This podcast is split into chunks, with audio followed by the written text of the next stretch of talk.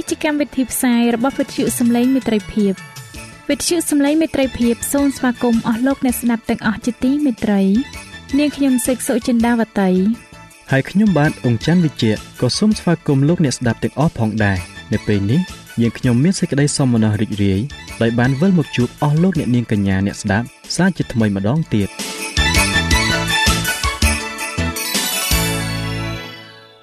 ចា៎លោកអ្នកស្ដាប់ជាទីមេត្រី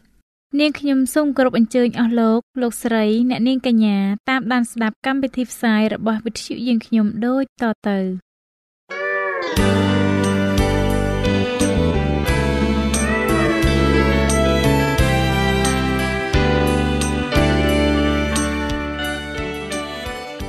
ព្រះបន្ទូលសម្រាប់អ្នកនៅថ្ងៃនេះ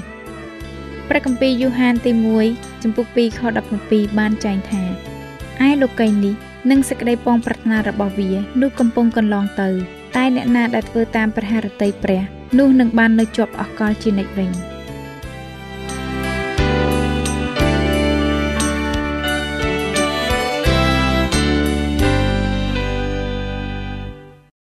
បាទខ្ញុំបាទសូមជម្រាបសួរដល់អស់លោកអ្នកទាំងអស់គ្នាជាទីមេត្រីសូមស្វាគមន៍មកកាន់នីតិសបាស្គូលប្រចាំសប្តាហ៍ មេរៀនរបស់យើងនៅសប្តាហ៍នេះមានចំណងជើងថាផ្លូវថ្មីទៅឯព្រះប្រសិនបើលោកអ្នកចង់បានមេរៀននេះប្រើនៅលើទូរស័ព្ទដៃ Android លោកអ្នកអាចទាញយកបានតាមរយៈ Play Store ដោយវាយពាក្យថាខ្មែរសបាស្គូលមេរៀនសម្រាប់សប្តាហ៍នេះយើងនឹងក្រឡេកមើលនៅសំណួរនិងចំណុចមួយចំនួនដូចតទៅអ្នកសរសេរព្រះគម្ពីរទំនុកដំកើងបានមានប្រសាសន៍ថាព្រលឹងទូលបង្គំស្រែករកព្រះ គឺព្រះដ៏មានប្រជញ្ញរស់នៅតើដល់កាលណា បានទូលបង្គំនឹងមកឈរចំពោះទ្រង់ព្រះគម្ពីរទំនុកដំកើងចំពុក42ខ2តើយើងអាចស្រែកចង់ចូលទៅចិត្តព្រះ បានដោយរបៀបណាដែរតើមានកត្តាអ្វីខ្លះដែលអាចជួយឲ្យយើង មានអារម្មណ៍ត្រេកអរដែលបានស្គាល់ព្រះនិងជួបជាមួយនឹងទ្រង់នោះសាសអ៊ីស្រាអែលបានសូមឲ្យលោកម៉ូសេចូលទៅជួបព្រះជំនួសពួកគេដូច្នេះ ពួកគេមិនចាំបាច់ទៅជួបទ្រង់ផ្ទាល់រឿងនេះបានបង្ហាញយើងនៅសេចក្តីពិតនៃព្រះគម្ពីរដ៏សំខាន់មួយ យើងត្រូវចូលទៅឯព្រះដោយខ្លួនយើងផ្ទាល់យើងតែងតែអនុញ្ញាតឲ្យអ្នកដទៃសិក្សាព្រះគម្ពីរជំនួសយើង មនុស្សខ្លះទៀតក៏មានអារម្មណ៍ថាសេចក្តីអធិដ្ឋានរបស់អ្នកដទៃប្រសើរជាងសេចក្តីអធិដ្ឋានរបស់ពួកគេផ្ទាល់តើហេតុអ្វីបានជាយើងជៀសវាងកំហុសទាំងនេះ មានហេតុផលមួយចំនួនដែលយើងគួរតែជៀសវាងកំហុសទាំងនេះតើហេតុអ្វីបានជាយើងអាចចូលទៅព្រះដោយផ្ទាល់តាមរយៈព្រះយេស៊ូវបានដោយមិនចាំបាច់ឲ្យអ្នកណាម្នាក់ទៀតចូលទៅឲ្យព្រះជំនួសយើងនោះព្រះគម្ពីរហេព្រើរទាំងមូលស្ដីអំពីការដែលមានសេចក្តីសង្ឃឹមនៅក្នុងព្រះគុណរបស់ព្រះ យើងអាចជឿជាក់បានថាព្រះនឹងសង្គ្រោះយើងដោយសារតែអ្វីអ្វីគ្រប់យ៉ាងដែលព្រះយេស៊ូវបានធ្វើសម្រាប់យើងរួចទៅហើយចុះ តើហេតុអ្វីបានជាយើងត្រូវតែប្រុងប្រយ័ត្នកុំឲ្យមានសេចក្តីជំនឿคล้ายคล้ายអសោះនោះមនុស្សម្នាក់បានបង្ហាញសេចក្តីជំនឿคล้ายคล้ายនៅពេលដែលគេបានបដិសេធមិនព្រមគោរពតាមព្រះហើយរំពឹងចង់ឲ្យព្រះបន្តប្រទានពរនិងព្រះគុណរបស់ទ្រង់ដល់ពួកគេតទៅទៀតអស់លោកអ្នកទាំងអស់គ្នាជាទីមេត្រីសិស្សរបស់ព្រះយេស៊ូវត្រូវបានបំពេញដោយសេចក្តីអំណរ ពួកគេនៅលើភ្នំដើមអូលីវជាមួយនឹងព្រះយេស៊ូវដែលជាគ្រូនិងជាមិត្តភ័ក្តិរបស់ពួកគេមួយស្របក់មុនពេលដែលព្រះយេស៊ូវបានចាក់ចេញពីផែនដីនេះទៅទ្រង់បានត្រាស់ហៅពួកសិស្សរបស់ទ្រង់ចូលទៅឯព្រះតាមរយៈព្រះនាមរបស់ទ្រង់បន្ទាប់មកពួកសិស្សបានឃើញព្រះយេស៊ូវឡើងទៅឯស្ថានសួគ៌ដោយផ្ទាល់ភ្នែកនៅស្ថានសួគ៌ព្រះបានធ្វើឲ្យព្រះយេស៊ូវคล้ายទៅជាស្ដេចនៃផែនដីទាំងមូលពេលនោះ ពួកសិស្សរបស់ព្រះយេស៊ូវបានដឹងថាព្រះនឹងឆ្លើយតបសេចក្តីអធិដ្ឋានរបស់ពួកគេដោយសពព្រះតីមែនហើយពួកសិស្សត្រូវតែបន្តរស់នៅនៅលើផែនដី ដែលជាទីកន្លែងដែលពួកមនុស្សអាក្រក់បានធ្វើបាបពួកគេតទៅទៀតប៉ុន្តែពួកសិស្សមានពោពេញទៅដោយសេចក្តីសង្ឃឹមពួកគេដឹងថាព្រះយេស៊ូវយាងទៅរៀបចំកន្លែងមួយសម្រាប់ពួកគេព្រះគម្ពីរយូហានជំពូក14ខ1ដល់ខ3 ព្រះយេស៊ូវគឺជាអ្នកទទួលខុសត្រូវក្នុងការសង្គ្រោះពួកគេចេញពីអំពើបាបព្រះយេស៊ូវក៏បានរៀបចំផ្លូវមួយសម្រាប់ពួកគេទៅឯស្ថានសួគ៌ដែរព្រះយេស៊ូវបានរៀបចំផ្លូវនេះដោយព្រះលោហិតរបស់ទ្រង់ផ្ទាល់ការបង្រៀនថាព្រះយេស៊ូវបានយាងទៅឯស្ថានសួគ៌សំខាន់បំផុតចំពោះព្រះគម្ពីរហេព្រើរការបង្រៀនថាព្រះយេស៊ូវបានយាងទៅឯស្ថានសួគ៌គឺជាចំណុចដ៏សំខាន់បំផុតនៅក្នុងព្រះគម្ពីរហេព្រើរ បន្ទាប់ពីទ្រង់បានយាងទៅឯស្ថានសួគ៌រួចមកព្រះយេស៊ូវបានចាប់ផ្ដើមកិច្ចការរបស់ទ្រង់ជាស្ដេចនិងជាសម្ដេចសង្ឃរបស់យើងនៅទីនោះសំខាន់ជាងនេះទៅទៀតនោះ គឺថាសេចក្តីសញ្ញាថ្មីបានចាប់ផ្ដើមឡើងឥឡូវនេះយើងអាចចូលទៅឯព្រះបាន ដោយការទុកចិត្តយ៉ាងមុតមមនិងសេចក្តីជំនឿដ៏ក្លាហាន យើងអាចធ្វើរឿងទាំងនេះបាន ដោយសារតែព្រះយេស៊ូវនិងជីវិតដ៏បរិសុទ្ធរបស់ទ្រង់តែប៉ុណ្ណោះ អស់លោកអ្នកជាទីមេត្រីដើម្បីឲ្យយើងបានយល់អំពីខព្រះគម្ពីរហេព្រើរជំពូក9ខ24ចូលយើងក្រឡេកមើល ទៅពិធីបុណ្យទាំងប៉ុន្មាន ដែលព្រះបានប្រទានដល់សាសអ៊ីស្រាអែលជាមុនសិន ដែលមានចែងយ៉ាងដូចនេះថា ក្នុងមួយឆ្នាំត្រូវធ្វើបុណ្យថ្វាយអញ3ដង ត្រូវធ្វើបុណ្យនំប៉័ងឥតដំបែគឺដល់កំណត់ក្នុងខែចែកនោះត្រូវធ្វើនំប៉័ងឥតដំបែ ក្នុង7ថ្ងៃ ដូចជាអញបានបង្គាប់មកហើយត្បិតគឺនៅខែនោះហើយ ដែលឯងរាល់គ្នាបានចេញពីស្រុកអេស៊ីបមក ហើយមិនត្រូវមក នៅមុខអញដោយដៃទទេឡើយ ត្រូវឲ្យធ្វើបុណ្យចម្រោតគឺជាផលដំបូងពីការឯងធ្វើ ដោយសារព្រោះនៅដីរបស់ឯងហើយនឹងបន់ប្រមូលផលដល់ចុងឆ្នាំ ក្នុងកាលដែលឯងបានប្រមូលផលកើតអំពីការរបស់ឯងធ្វើនៅចំការមក គឺក្នុងមួយឆ្នាំត្រូវឲ្យពួកប្រុសប្រុសមកនៅចំពោះព្រះយេហូវ៉ាជាព្រះអម្ចាស់គ្រប់3ដងដែលមានចែងនៅក្នុងព្រះគម្ពីរនិខាម៉ានាំងជំពូក14រហូតដល់ជំពូក17ដូច្នេះពិធីបុណ្យរំលង បានបង្ហាញអំពីពេលវេលា ដែលព្រះបានរំដោះសាសអ៊ីស្រាអែលចេញពីស្រុកអេស៊ីបពិធីបុណ្យនៃអាទិត្យបន្ទាប់ទៅទៀតនោះ គឺបុណ្យថ្ងៃទី50ដល់សម័យគម្ពីរសញ្ញាថ្មី ពួកយូដាបានប្រារព្ធពិធីបុណ្យថ្ងៃទី50ជាពេលវេលាដែលព្រះបានប្រទានក្រឹតវិន័យដល់សាសអ៊ីស្រាអែលនៅភ្នំស៊ីណាយពិធីបុណ្យបារ៉ាំគឺជាពិធីបុណ្យចុងក្រោយ ដែលបានបង្ហាញអំពីពេលវេលាដែលព្រះបានយកប្រតិយទុកដាក់ចំពោះសាសអ៊ីស្រាអែលនៅក្នុងទីរហោស្ថានឥឡូវនេះយើងបានពិនិត្យមើលពិធីបុណ្យទាំងនេះរួចមកហើយ ចូលយើងក្រឡេកទៅឯព្រះគម្ពីរហេព្រើរជំពូក9ខ24វិញម្ដងខនេះបានបង្ហាញយើងអំពីការយាងចូលរបស់ព្រះយេស៊ូវទៅឯព្រះវរបិតា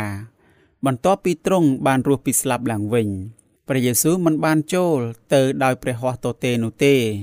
ទ្រង់បានថ្វាយយ៉ាញ់បូជានៃលោហិតរបស់ទ្រង់ផ្ទាល់ប្រសើរជាងសង្ឃណានាទៀតទាំងអស់ ព្រះយេស៊ូវបានគោរពពិធីបុណ្យពិសេសពិសេសទាំងអស់ត្រឹមត្រូវតាមពេលវេលាទាំងអស់ទ្រង់បានសគត់នៅម៉ោង3រសៀលមុនថ្ងៃបុណ្យរំលងបានមកដល់ម៉ោង3រសៀលគឺជាពេលវេលា ដែលកូនជាមនៃបុណ្យរំលងត្រូវបានគេសម្លាប់ដោយដែលមានចែងនៅក្នុងព្រះគម្ពីរយូហានជំពូក19ខ14និងព្រះគម្ពីរម៉ាថាយជំពូក27ខ45ដល់ខ50 បន្ទាប់មកព្រះយេស៊ូវបានរស់ពីស្លាប់ឡើងវិញ ហើយបានយាងទៅឯស្ថានសួគ៌ជាកន្លែងដែលព្រះនឹងទទួលយកដង្វាយរបស់ទ្រង់ជំនួសអំពើបាបរបស់យើងព្រះគម្ពីរយូហានជំពូក20ខ17និងព្រះគម្ពីរកូរិនថូសខ្សែទី1ជំពូក15ខ20នៅថ្ងៃនេះសង្ឃបានក្រវីស្រូវសាលីទុំ ដើម្បីបង្ហាញការថ្លែងអំណរគុណដល់ព្រះសម្រាប់ផលដំបូង។ ព្រះគម្ពីរលេវីវិន័យជំពូក23ខ10ដល់ខ12ប្រមាណជា40ថ្ងៃក្រោយមកព្រះយេស៊ូវបានគង់នៅខាងស្ដាំនៃព្រះវរបិតានៅថ្ងៃបុណ្យទី50កិច្ចការជំពូក1និងជំពូក2ទន្ទឹមគ្នានេះសេចក្តីសញ្ញាថ្មីក៏បានចាប់ផ្ដើមឡើងផងដែរអស់លោកអ្នកស្ដាប់ជាទីមេត្រី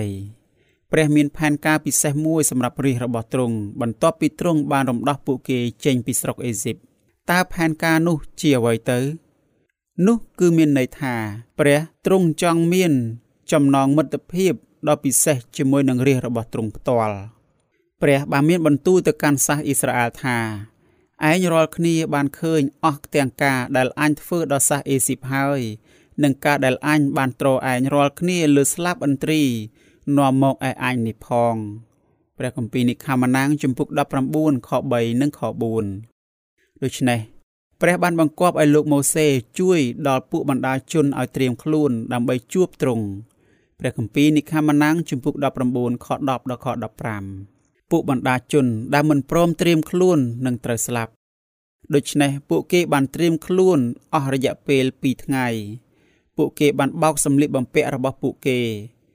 ព្រមទាំងអធិដ្ឋានផង ពួកគេបានទូលសូមឲ្យព្រះសម្អាតចិត្តរបស់ពួកគេចេញពីអំពើបាប នៅថ្ងៃទី3នៅពេលឮសូរសំឡេងស្នែង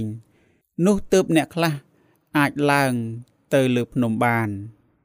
ព្រះគម្ពីរនិខាម៉ានាំងជំពូក19ខ13ព្រះចង់ឲ្យពួកបណ្ដាជន មានបទពិសោធន៍ដូចជាលោកម៉ូសេដូច្នោះដែរហើយពួកមេដឹកនាំក៏បានទទួលបានបទពិសោធន៍នេះ នៅពេលដែលពួកគេបានឡើងទៅជួបព្រះ នៅលើភ្នំ នៅពេលក្រោយមកទៀតផងដែរនៅពេលនោះ ពួកមេដឹកនាំបានឃើញព្រះអង្គរួចក៏នាំគ្នាបរិភោគភោជព្រះគម្ពីរនិខាម៉ានាំងចំពុក24ខ9ដល់ខ11ក្រោយមកទៀតសាសអ៊ីស្រាអែលបានដឹងថាព្រះបានបង្ហាញស្រីល្អរបស់ទ្រង់ដល់ពួកគេ នៅពេលដែលទ្រង់យាងចុះមកលើភ្នំ ពួកគេក៏បានដឹងថា មនុស្សលោកនៅតែអាចមានជីវិតរស់បន្ទាប់ពីព្រះបានមានបន្ទូលមកកាន់ពួកគេ ប៉ុន្តែនៅពេលដែលពួកបណ្ដាជនចូលទៅជិតភ្នំ ពួកគេមិនមានសេចក្តីជំនឿគ្រប់គ្រាន់ឡើយលោកម៉ូសេបានមានប្រសាសន៍អំពីពេលវេលានេះប៉ុន្មានឆ្នាំក្រោយមកទៀតយ៉ាងដូចនេះថាឯងបានខ្លាចភ្លើងនោះ ហើយមិនបានឡើងទៅលើភ្នំនោះទេដោយតែមានចែងនៅក្នុងព្រះគម្ពីរចោទយកថាជំពូក5ខ5ម្លេះហើយពួកបណ្ដាជនបានសូមឲ្យលោកម៉ូសេឡើងទៅលើភ្នំ ដើម្បីទូលដល់ព្រះជំនួសពួកគេព្រះបានបង្ហាញស្រីល្អរបស់ទ្រង់នៅលើភ្នំស៊ីណាយដើម្បីបង្រៀនមេរៀនដ៏សំខាន់មួយដល់រាជរបស់ទ្រង់ព្រះចង់ឲ្យរាជរបស់ទ្រង់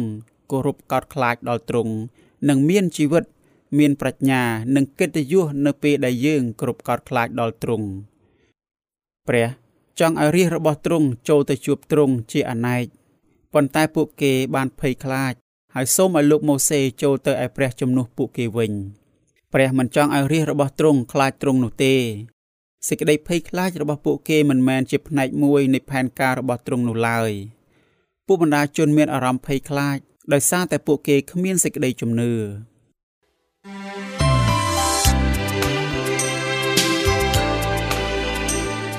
សេចក្តីជំនឿកើតឡើងដោយលឺហើយដែលលឺនោះគឺដោយសារព្រះបន្ទូលនៃព្រះ តាមរយៈវិទ្យុសំឡេងមិត្តភាព AWR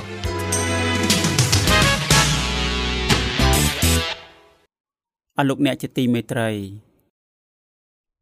ពួកអ៊ីស្រាអែលនៅក្នុងទីរហោស្ថាន បានសាងសង់រោងអបោសុតនៃសេចក្តីសញ្ញា ពួកគេបានជួបព្រះ និងថ្វាយបង្គំព្រះនៅទីនោះរោងអបោសុតមានវាំងននមួយចំនួន ដែលបានសរសេរថាខាតេភេតាស្មា ជាភាសាហេប្រឺវាំងននទី1បានហុំព័ទ្ធទីធ្លាទាំងមូលនៅជុំវិញរោងអបោសុត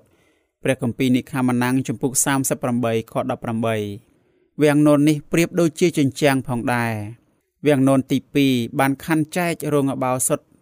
ពីទីធ្លាខាងក្រៅព្រះគម្ពីរនិខាម៉ានាំងចំពុក36ខ37វាំងននទី3បានដាក់ព្យួរចន្លោះទីបរិសុទ្ធ និងទីបរិសុទ្ធបំផុតនៅក្នុងរោងអបោសុតព្រះគម្ពីរនិខាម៉ានាំងចំពុក26ខ31ដល់35ដូច្នេះវាំងននទាំងនេះ ដូចគ្នាទៅនឹងទ្វារហើយនឹងជញ្ជាំងដូច្នោះដែរមានតែមនុស្សមួយចំនួនប៉ុណ្ណោះដែលបានអនុញ្ញាតឲ្យឆ្លងកាត់វាំងននទាំងនេះបន្ទាប់ពីសាសអ៊ីស្រាអែលបានថ្វាយបង្គំគោមាសរួច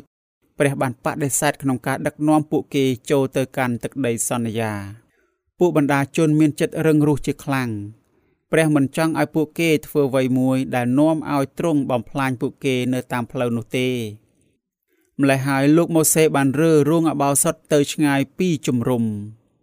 ព្រះក៏បានយល់ព្រមដឹកនាំគេចូលទៅកាន់ទឹកដីសន្យា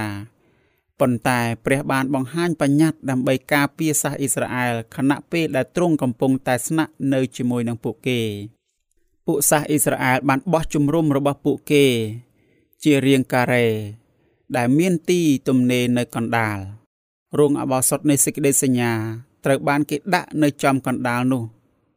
បន្ទាប់មកពួកលេវីបានបោះជំរំនៅជិតរោងអបោសុតដើម្បីការពាររោងអបោសុតនិងសម្ភារៈនៅក្នុងនោះ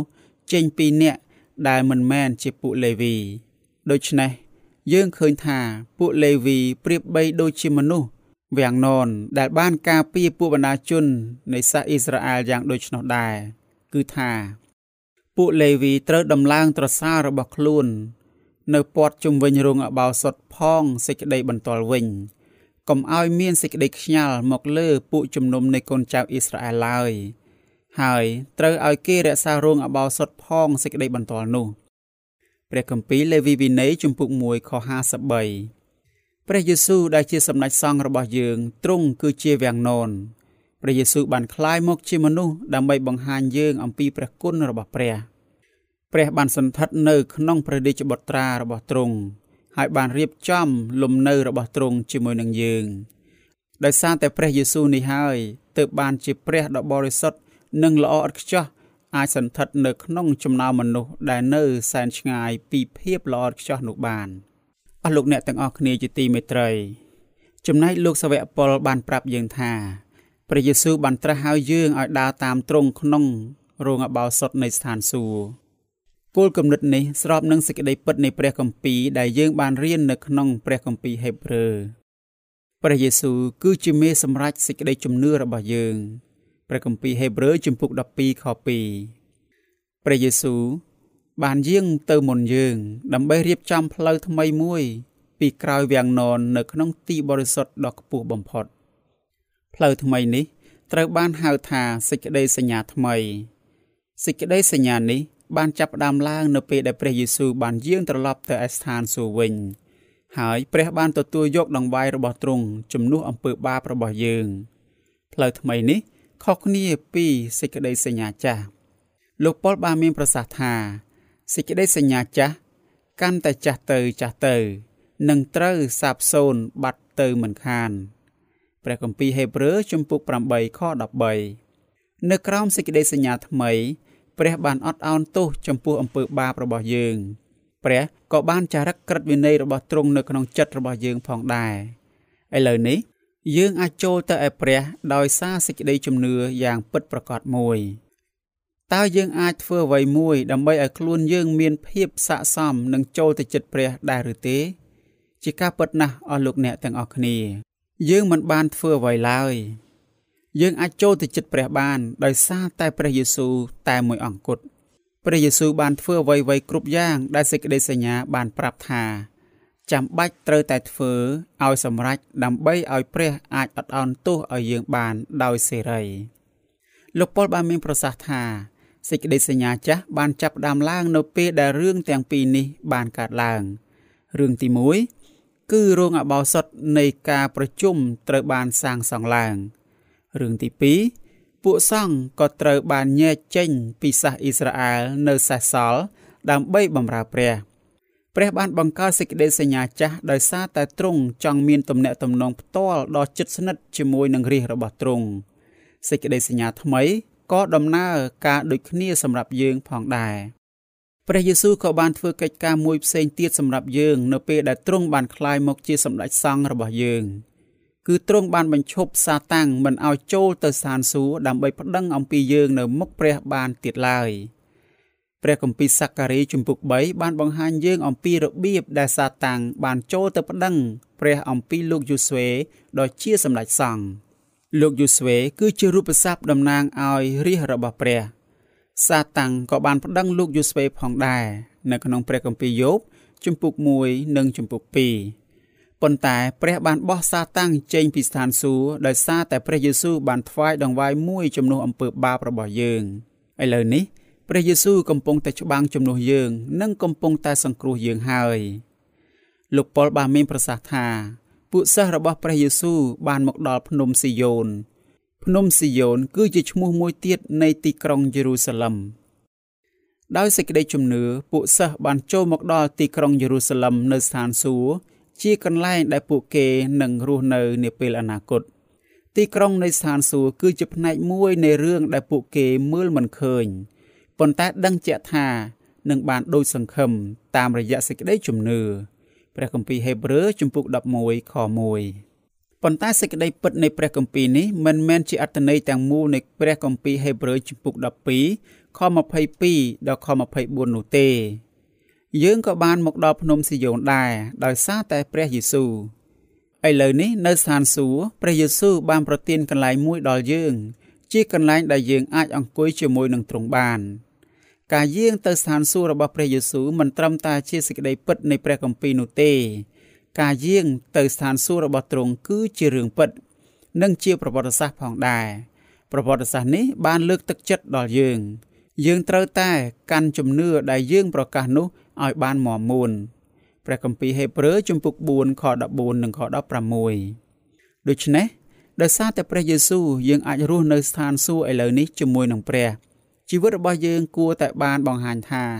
យើងបានជឿលើសេចក្តីពិតនៃព្រះគម្ពីរនេះដោយសារតែព្រះយេស៊ូវយើងភ្លក់ព្រះបន្ទូលដ៏ល្អនៃព្រះ និងឫទ្ធិបារមីរបស់បរលោកនាយព្រះគម្ពីរហេព្រើរជំពូក6ខ4និងខ5ឥឡូវនេះព្រះយេស៊ូវគឺជាសម្ដេចសង្ឃរបស់យើងនៅឯស្ថានសួគ៌យើងខ្ញុំមានសង្ឃឹមនោះ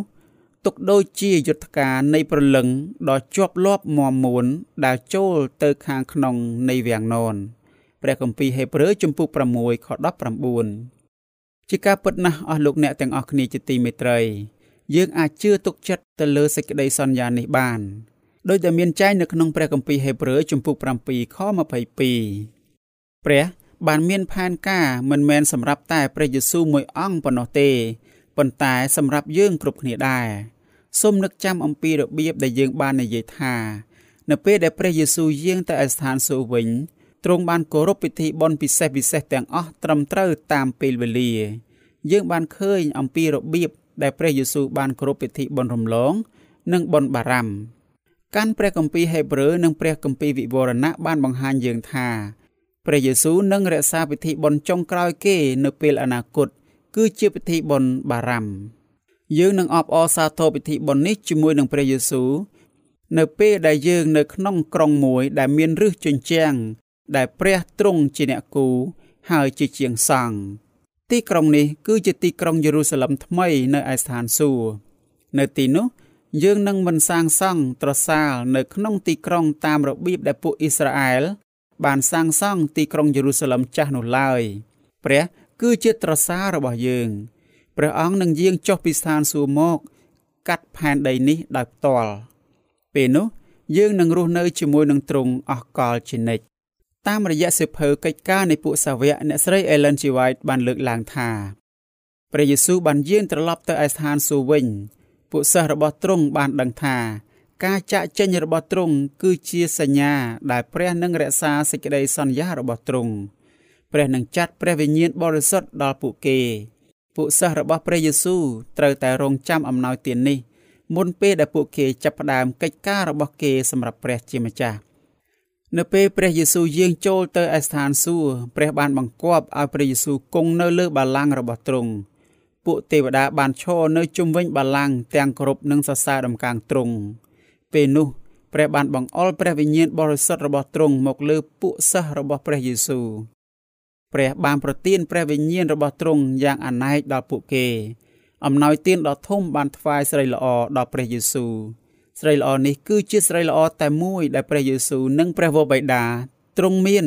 តាំងតែពីដើមមកម្លេះអំណោយទាននៃព្រះវិញ្ញាណបរិសុទ្ធបានបង្ហាញពួកសាថា ព្រះបានលើកព្រះយេស៊ូវឲ្យធ្វើជាសម្ដេចសង្ឃ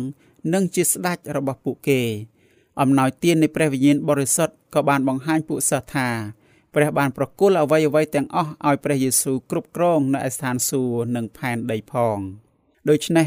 ពួកសិស្សរបស់ព្រះយេស៊ូវអាចថ្លែងអំពីទ្រង់ដោយចិត្តជឿជាក់ព្រះយេស៊ូវគឺជាមិត្តភ័ក្តិរបស់ពួកគេទ្រង់ក៏ជាបងច្បងរបស់ពួកគេផងដែរព្រះយេស៊ូវបាននាំពួកសិស្សរបស់ទ្រង់ឲ្យមានមិត្តភាពជិតស្និទ្ធជាមួយនឹងទ្រង់ផ្ទាល់ឥឡូវនេះ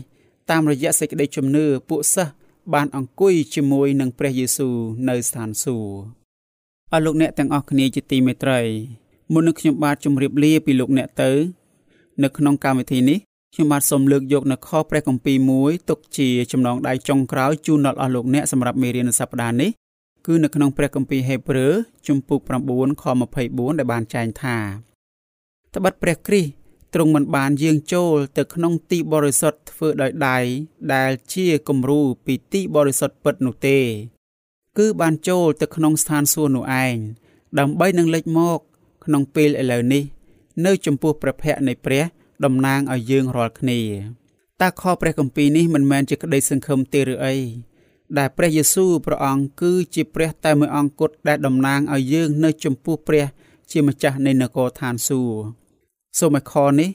និងអត្តន័យនៃមេរៀនទាំងមូលសម្រាប់សប្តាហ៍នេះបានជាកម្លាំងនិងជាប្រពោដល់អស់លោកអ្នកទាំងអស់គ្នាខ្ញុំបាទនឹងវិលត្រឡប់មកជួបអស់លោកអ្នកជាថ្មីម្ដងទៀតនៅមេរៀនសម្រាប់សប្តាហ៍ក្រោយសូមអរគុណសូមជម្រាបលា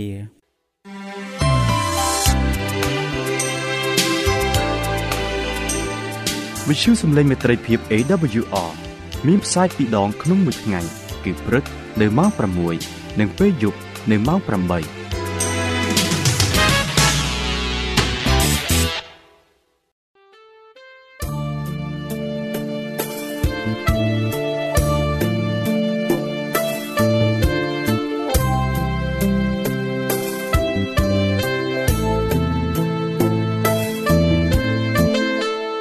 ើសិនជាលោកអ្នកមានសំណួរឬសំណុំពរអ្វីសូមតាក់ទងមកការិយាល័យវិទ្យុយើងខ្ញុំ តាមអាស័យដ្ឋានផ្ទះលេខ15ផ្លូវលេខ568សង្កាត់បឹងកក់2ខណ្ឌទួលគោករាជធានីភ្នំពេញលោកអ្នកក៏អាចសរសេរសម្បត្តិផ្ញើមកយើងខ្ញុំតាមរយៈប្រអប់សម្បត្តិលេខ488ភ្នំពេញឬតាមទូរស័ព្ទលេខ012 34 96 64ឬ097 80 81 060ឬក៏តាមរយៈអ៊ីមែល vol@awr.org យើងខ្ញុំរងចាំទទួលស្វាគមន៍អស់លោកអ្នកនាងដោយក្តីសោមនស្សរីករាយហើយលោកអ្នកក៏អាចស្ដាប់កម្មវិធីនេះឡើងវិញដោយចូលទៅកាន់ website របស់វិទ្យុយើងខ្ញុំតាមរយៈអាស័យដ្ឋាន www.awr.org